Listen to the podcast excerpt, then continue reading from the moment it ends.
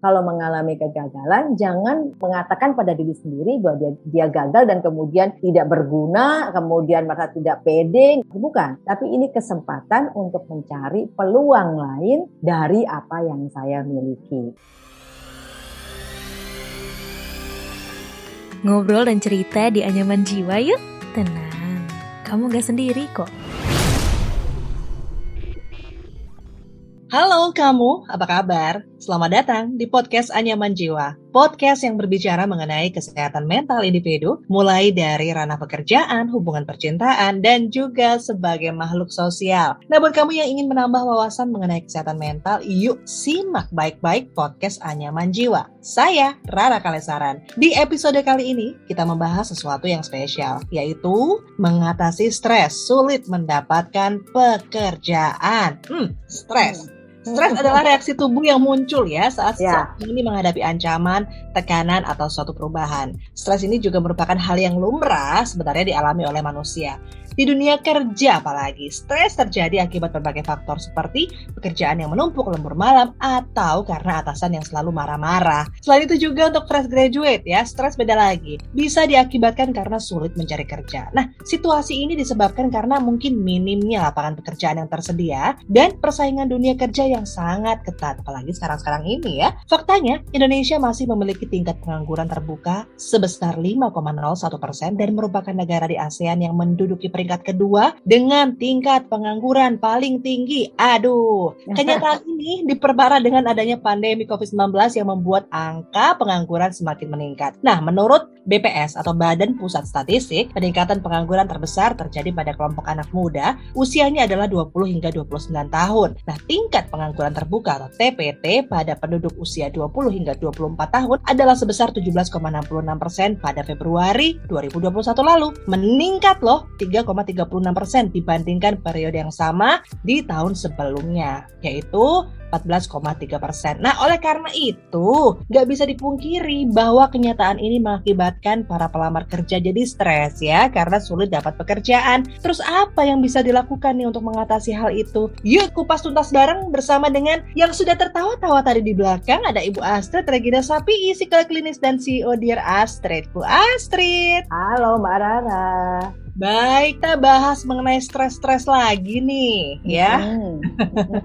Di episode yang sebelumnya kita sudah pernah membahas mengenai stress versus burnout kan ya bersama hmm. Ibu Astrid. Nah, bagi pendengar nyaman jiwa yang belum mendengarkan episode ini ya, episode yang stress versus burnout, bisa langsung dengarkan episode itu ya. Sebelum dengarkan episode yang kali ini biar uh, ngerti perbedaannya stres sama burnout. Nah, hmm. kalau kesempatan kali ini kita berdiskusi mengenai stres akibat sulitnya dapat pekerjaan. Bu Astrid, ini belakangan ini kan kita lagi pandemi banyak yang uh, apa namanya kehilangan pekerjaan. Eh, bersaingnya juga dengan para fresh graduates yang luar biasa banyak juga. Tapi sebelum kita bahas lebih lanjut membahas mengenai itu, kita sedikit singgung lagi. Sebenarnya stres itu apa? Stres itu sebetulnya adalah proses adaptasi yang terjadi pada seseorang pada saat dia menghadapi sebuah tekanan. Jadi bagaimana dia merespon sebuah tekanan yang datang kepada dia. Itu itu bahasa sederhananya. Jadi kalau ada sesuatu yang tidak uh, apa tidak nyaman pada seseorang, kemudian orang itu merespon ketidaknyamanan itu, itu yang disebut dengan stres. Di sini Mbak Rara bisa lihat, tekanan itu sesuatu yang kita nilai sendiri. Makanya misalnya gini, anggap aja kita lagi melihat orang yang sedang patah hati. Patah hati adalah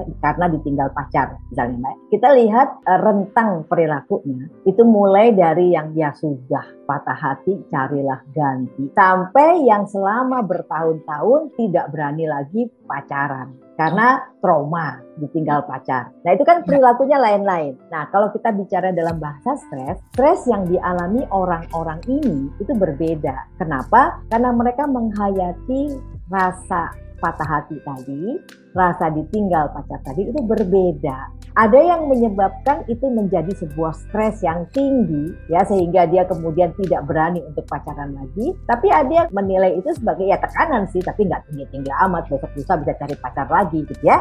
Yang saya ingin garis bawahi di sini, stres itu beda pada tiap orang karena orangnya menginterpretasikannya secara berbeda. Memang ada juga teori yang bilang bahwa semua stres punya bobot, gitu kan? Tetapi Hansele menunjukkan walaupun si stres ini punya bobot nilai tertentu, tapi bagaimana orang menanggapi, bagaimana si stres ini mempengaruhi dia, itu sangat ya. tergantung pada orangnya. Jadi ada peluang di mana kita bisa melihat apakah diri kita bisa mengatasinya, artinya kita beradaptasi dengan tekanan itu, atau tekanan itu sedemikian besar sehingga kita hancur akibat tekanan itu. Oke, nah di hmm. kesempatan hmm. kali ini masalah tekanannya ini hmm. adalah sulit banget nih dapat pekerjaan. Gitu Oke. Gitu kan? Nah, bagaimana nih uh, apa namanya Bu Astrid kalau bisa memberikan solusi gitu ya okay. kepada klien yang datang gimana ya Bu saya itu kok sulit dapat pekerjaan. Okay. Nah, saya kemudian akan akan tanya dia coba definisikan pekerjaan itu apa umumnya orang mendefinisikan pekerjaan adalah sebuah uh, apa kegiatan yang terstruktur yang sudah ada organisasinya. Jadi saya bisa punya pekerjaan kalau saya misalnya masuk ke sebuah pabrik tertentu, ke sebuah departemen tertentu, sebuah kampus tertentu. Jadi orang mendefinisikan bekerja adalah kalau dia tergabung menjadi karyawan, gitu kan ya, dari sebuah usaha tertentu. Itu yang saya tahu di lapangan. Nah, sehingga kemudian saya bilang, apakah pekerjaan itu harus didefinisikan seperti itu? Kalau lihat statistik, kamu bisa kecut gitu ya, kamu bisa bisa frustrasi karena banyak banget orang yang nggak bisa dapat pekerjaan kalau pekerjaannya didefinisikan seperti itu. Nah, kemudian kan dia akan bertanya sama saya, lalu gimana? Nah, kita balik, kita mundur sedikit. Kenapa sih kamu harus bekerja? Nah, terus biasanya karena saya mesti makan, karena saya mesti cari uang buat makan. Oke, kamu harus cari nafkah, cari uang buat makan. Nah, sekarang apakah satu-satunya pilihan adalah menjadi karyawan? Apakah yeah. itu satu pilihan? Apakah kamu tidak bisa menciptakan pekerjaan yang bikin kamu bisa punya uang? Sehingga kemudian itu bukan kerja. Loh, kok itu bukan kerja sih? Gitu kan, misalnya, misalnya saya bilang, kamu lihat contoh, kalau seorang ibu misalnya bikin pisang goreng, dia bikin pisang goreng 10 dari pisang yang dia punya di rumah. Lalu kemudian setelah dia menggoreng jadi pisang yang enak, dia jual ke tetangga. Dari 10 itu laku ternyata 10 sepuluhnya. Dan dia jual lebih tinggi dari harga beli pisangnya dia dapat katakan untung ya karena misalnya tadi beli pisang dan minyak dan sebagainya habisnya cuma seribu pas dia jual dapatnya dua ribu nah dia dapat uang kan nah apakah yang ibu itu kerjakan tidak bisa disebut sebagai kerja gitu jadi saya biasanya kemudian membawa yang bersangkutan untuk melihat bahwa kalau dia definisikan sebagai karyawan atau menjadi pegawai negeri itu mungkin akan akan membuat dia frustrasi karena bersaing dengan banyak orang tapi kalau dia definisikan sebagai melakukan sesuatu dengan tujuan dapat nafkah, dengan tujuan dapat penghasilan, maka sebetulnya pilihannya banyak. Nah, tapi kemudian problemnya segini Mbak. Tapi kalau kerja sendiri di rumah kan nggak nggak kelihatan keren. Maksudnya keren apa? Ya kalau kerja jadi karyawan itu kan keluarnya jamnya sama, ada seragam yang dipakai, mungkin nanti pulang uh, apa namanya pada jam tertentu. Jadi orang-orang ngelihat gitu loh kalau kita pergi pagi-pagi pakai seragam tertentu, pulang jam tertentu dan tiap hari sehingga orang bisa bilang itu orang punya pekerjaan. Tapi kalau kita ngomong apakah penghasilannya akan lebih kecil atau lebih besar dari karyawan? Ya bisa aja lebih besar, tapi kan nggak ada gengsinya. Nah itu loh Mbak Rara. Jadi kemudian, nah dia bisa terima, oh ya nggak begitu. Oke, sekarang start dengan apa yang kamu bisa. Jadi kemudian saya menghancurkan konsep bahwa kalau tidak jadi karyawan atau tidak jadi pegawai negeri itu tidak berarti bahwa kamu tidak bisa kerja itu kalau mbak saya termasuk yang uh, mendukung banget nih agar hmm. generasi muda, apalagi sekarang persaingan mencari kerja itu kan luar biasa. Luar biasa. Ini begitu ya. Hmm. Untuk encourage untuk yuk uh, mencoba untuk menjadi entrepreneur begitu ya. Hmm. Artinya fokusnya akan lebih dirubah saja kepada apa yang bisa kita kerjakan instead of apa yang bisa perusahaan kerjakan, orang lain kerjakan untuk kita gitu ya. Betul. Baik. Yang ya. pertama adalah perbaiki mindset dulu. -hmm. Nah, kemudian Bu Astrid, ini -hmm uh, sekarang ini saya sering banget mendengar keluhan-keluhan orang yang sudah mendapatkan pekerjaan karena masalah pandemi banyak perusahaan yang mengurangi karyawan tidak mencari lagi ya dan persaingannya adalah dengan uh, orang-orang yang sudah berpengalaman melawan fresh, fresh graduate uh, agak sedikit lebih susah nih karena uh, berperangnya bersama dengan orang-orang yang sudah punya pengalaman gitu ya. Mm, Nah, ketika uh, mereka stres nih, kemudian um, ada efek-efek dong yang timbul dari stres tersebut ya Bu Astrid. Mm. Bisa efek jangka panjang, bisa efek jangka pendek. Sebenarnya Mm. dulu pernah kita bahas di podcast Mm-mm. yang uh, stress versus burnout. Mungkin lebih jelasnya uh, bisa mendengarkan itu. Tapi mungkin singkat saja dijelaskan apa efek jangka panjang dan pendeknya ketika seorang mengalami stres dan itu uh, terus menerus. Eh, kalau orang eh, terus-menerus menghadapi stres dan dia nggak bisa keluar,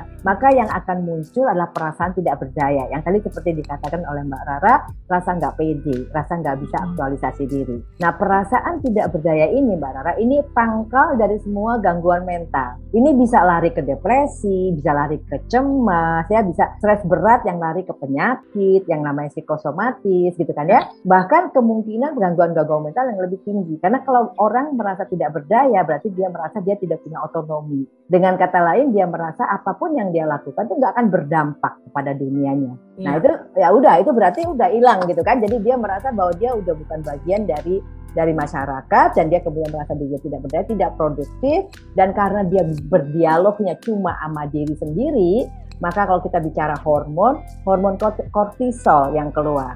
Hormon kortisol itu hormon stres.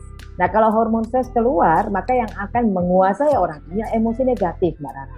Nah, kalau emosi negatif keluar, itu akan menyebabkan orang jadi dalam bahasa sederhananya down, ya. Jadi apa namanya makin turun, makin turun, makin turun. Nah, itu sebabnya ini menjadi sumber awal dari semua gangguan mental. Nah, jadi harus dibantunya adalah dibangun keyakinannya bahwa dia masih punya otonomi, bahwa dia masih bisa melakukan sesuatu untuk mengatur hidupnya. Nah, ini ini yang terus-menerus harus dibangun. Nah, biasanya kita mencoba mencari apa sih kira-kira yang bisa dia lakukan, kita paksa dia untuk melakukan gitu ya sampai dia merasa dirinya berhasil. Nah, kalau dia rasa berhasil dia bisa bilang, "Eh, ternyata saya bisa." Biasanya dia bisa keluar dari stresnya itu. Tapi kalau dia nggak pernah mau karena ah apa gunanya saya orang nggak berguna kok saya udah nggak bisa apa-apa saya memang orang yang yang apa nggak nggak oke saya memang orang yang nggak punya kemampuan macam kalau udah keluarnya udah gitu aduh untuk ngeluarin suara-suara itu dari dirinya itu setengah mati Mbak Rara. dan ini sebabnya kemudian berbagai kemungkinan gangguan kesehatan mental bisa muncul karena dia yang apa ngasih makan dirinya sendiri dengan semua hal negatif. Ah, oke, baik ya. Jadi sudah ada sedikit gambaran ya. Ini kalau efeknya berkepanjangan ini akan seperti ini begitu. Mm. Nah, kemudian bagaimana nih eh, tips-tipsnya nih Bu Astrid Ah, untuk mengatasi sulit mendapatkan pekerjaan ini? Ya, kalau menurut saya nomor satu ganti mindsetnya. Kita kembali ke hal yang hakiki ya. Kita bekerja untuk mendapatkan imbalan supaya kita punya uh, uh, kemampuan untuk hidup. Karena dengan imbalan itu kita akan punya uang, kita akan punya kesempatan untuk uh, memenuhi semua kebutuhan kita secara mandiri. Sehingga kalau kita sudah mencoba melamar sebagai karyawan atau pegawai atau apa pun di tem- di tempat gitu, dan kita tidak berhasil, kita jangan mengatakan diri kita tidak berhasil, nggak bisa aktualisasi atau kurang mampu atau apa enggak. Tapi barangkali itu bukan jodoh saya. Barangkali saya harus mencari apa yang saya bisa lakukan sendiri supaya saya bisa makan. Kan gitu ya, supaya saya bisa melakukan suatu pekerjaan yang menghasilkan sesuatu. Jadi saya saya mungkin memang beda sama orang lain. Barangkali kesempatan saya adalah pada pada kemampuan yang saya punya, bukan bergabung dengan sebuah organisasi. Jadi jadi nomor satu mindsetnya tadi tentang bekerja. Kemudian kalau mengalami kegagalan, jangan mengatakan pada diri sendiri bahwa dia dia gagal dan kemudian tidak berguna, kemudian merasa tidak pede, nggak bisa aktualisasi bukan. Tapi ini kesempatan untuk mencari peluang lain dari apa yang saya miliki. Nah di situ mungkin kita harus punya yang namanya kreativitas. Ya kita coba apa ya kira-kira yang bisa saya jual dari diri saya.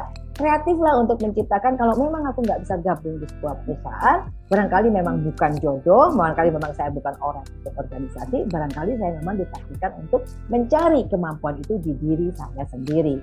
Nah, kemudian yang penting lagi selain itu Mbak Nara adalah sabar. Nggak ada suatu proses yang berhasil dalam satu waktu. Itu butuh panjang, butuh sabar, dicoba berkali-kali. Kan gitu Mbak Nara.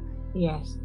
Mungkin tambahan eh, dari saya yang suka di acara di radio begitu ya, kita ngobrol juga dengan entrepreneur, dengan pebisnis sukses, Mm-mm. bahwa sekarang ini memang agak berat bagi eh, apa namanya fresh graduates untuk bersaing mencari kerja, Mm-mm. eh, karena memang banyak kelulusannya dan saingannya adalah dengan para pekerja yang sudah di PHK yang tentu saja pengalamannya lebih banyak. Nah, Mungkin adalah dengan eh, apa namanya mencoba, ini kita dimudahkan dengan era sosial media yang luar biasa, betul. namanya masif begitu ya. Nah, kita bisa menjadi reseller. Mungkin Ya. kalau modalnya tidak terlalu besar, tapi kalau misalnya non tanpa modal pun masih bisa menjadi menjadi dropshipper. Ya Oke. kita bisa punya toko sendiri loh, lapak sendiri di online ke, uh, marketplace loh gitu, tanpa harus punya toko fisik gitu kan. Jadi ini membantu teman-teman untuk mungkin ya in the meantime kalau memang pengen banget kerja tapi sambil cari-cari tambahan itu Hmm. bisa menjadi salah satu solusi gitu ya Bu Astrid. Betul. Sekarang ini kan yang sedang banyak digadang-gadang orang, masih banyak dibicarakan orang adalah mengenai kesehatan mental harus harus dijaga gitu ya. Betul. Nah, eh, dan di kampanye-kampanye kesehatan mental itu ada kata-kata healing yang banyak digunakan sebagai cara atau opsi untuk mengatasi stres. Nah, menurut Bu Astrid, apa Mhm. korelasi healing dengan stres dan bagaimana healing yang tepat yang bisa kita lakukan sendiri gitu? Nah, ah, sebenarnya sih kalau healing yang tepat yang bisa dilakukan sendiri cuma satu, ber- berpikir positif sebetulnya Mbak Rara. Dan sebetulnya kita sebagai orang Indonesia, kita ini terlatih loh Mbak Rara untuk berpikir positif. Coba lihat ya bagaimana masyarakat kita merespon kalau ada sebuah kecelakaan misalnya. Kan Kata, nah itu kan, kata pertama kan untung, gitu kan. Jadi Heeh. jadi jadi kita ini sebenarnya udah punya kemampuan untuk self healing dengan mencoba melihat hal yang positif. Ka- Kalau misalnya teman saya mengatakan begini, oke kalau aku nggak keterima sekarang, barangkali kalau aku masuk ke situ, aku akan mengalami sesuatu yang tidak menyenangkan. Jadi Tuhan menolong aku untuk tidak mengalami sesuatu yang tidak menyenangkan. Itu kata-kata positif, itu menghibur diri sendiri ya dan positif. Dan sebenarnya itu yang kita punya. Jadi Ya. ambillah positifnya. Karena kembali lagi tadi seperti saya katakan, stres itu menjadi berat atau ringan kan tergantung bagaimana kita menanggapinya. Nah, self healing ini berkaitan dengan bagaimana kita menanggapi itu. Bu Astrid, sekali lagi thank you. Nanti Yo. kita akan ngobrol lagi di podcast Anyaman Jiwa selanjutnya dengan topik-topik lain yang pastinya menarik untuk kita bahas. Oke, terima kasih Mbak Dara.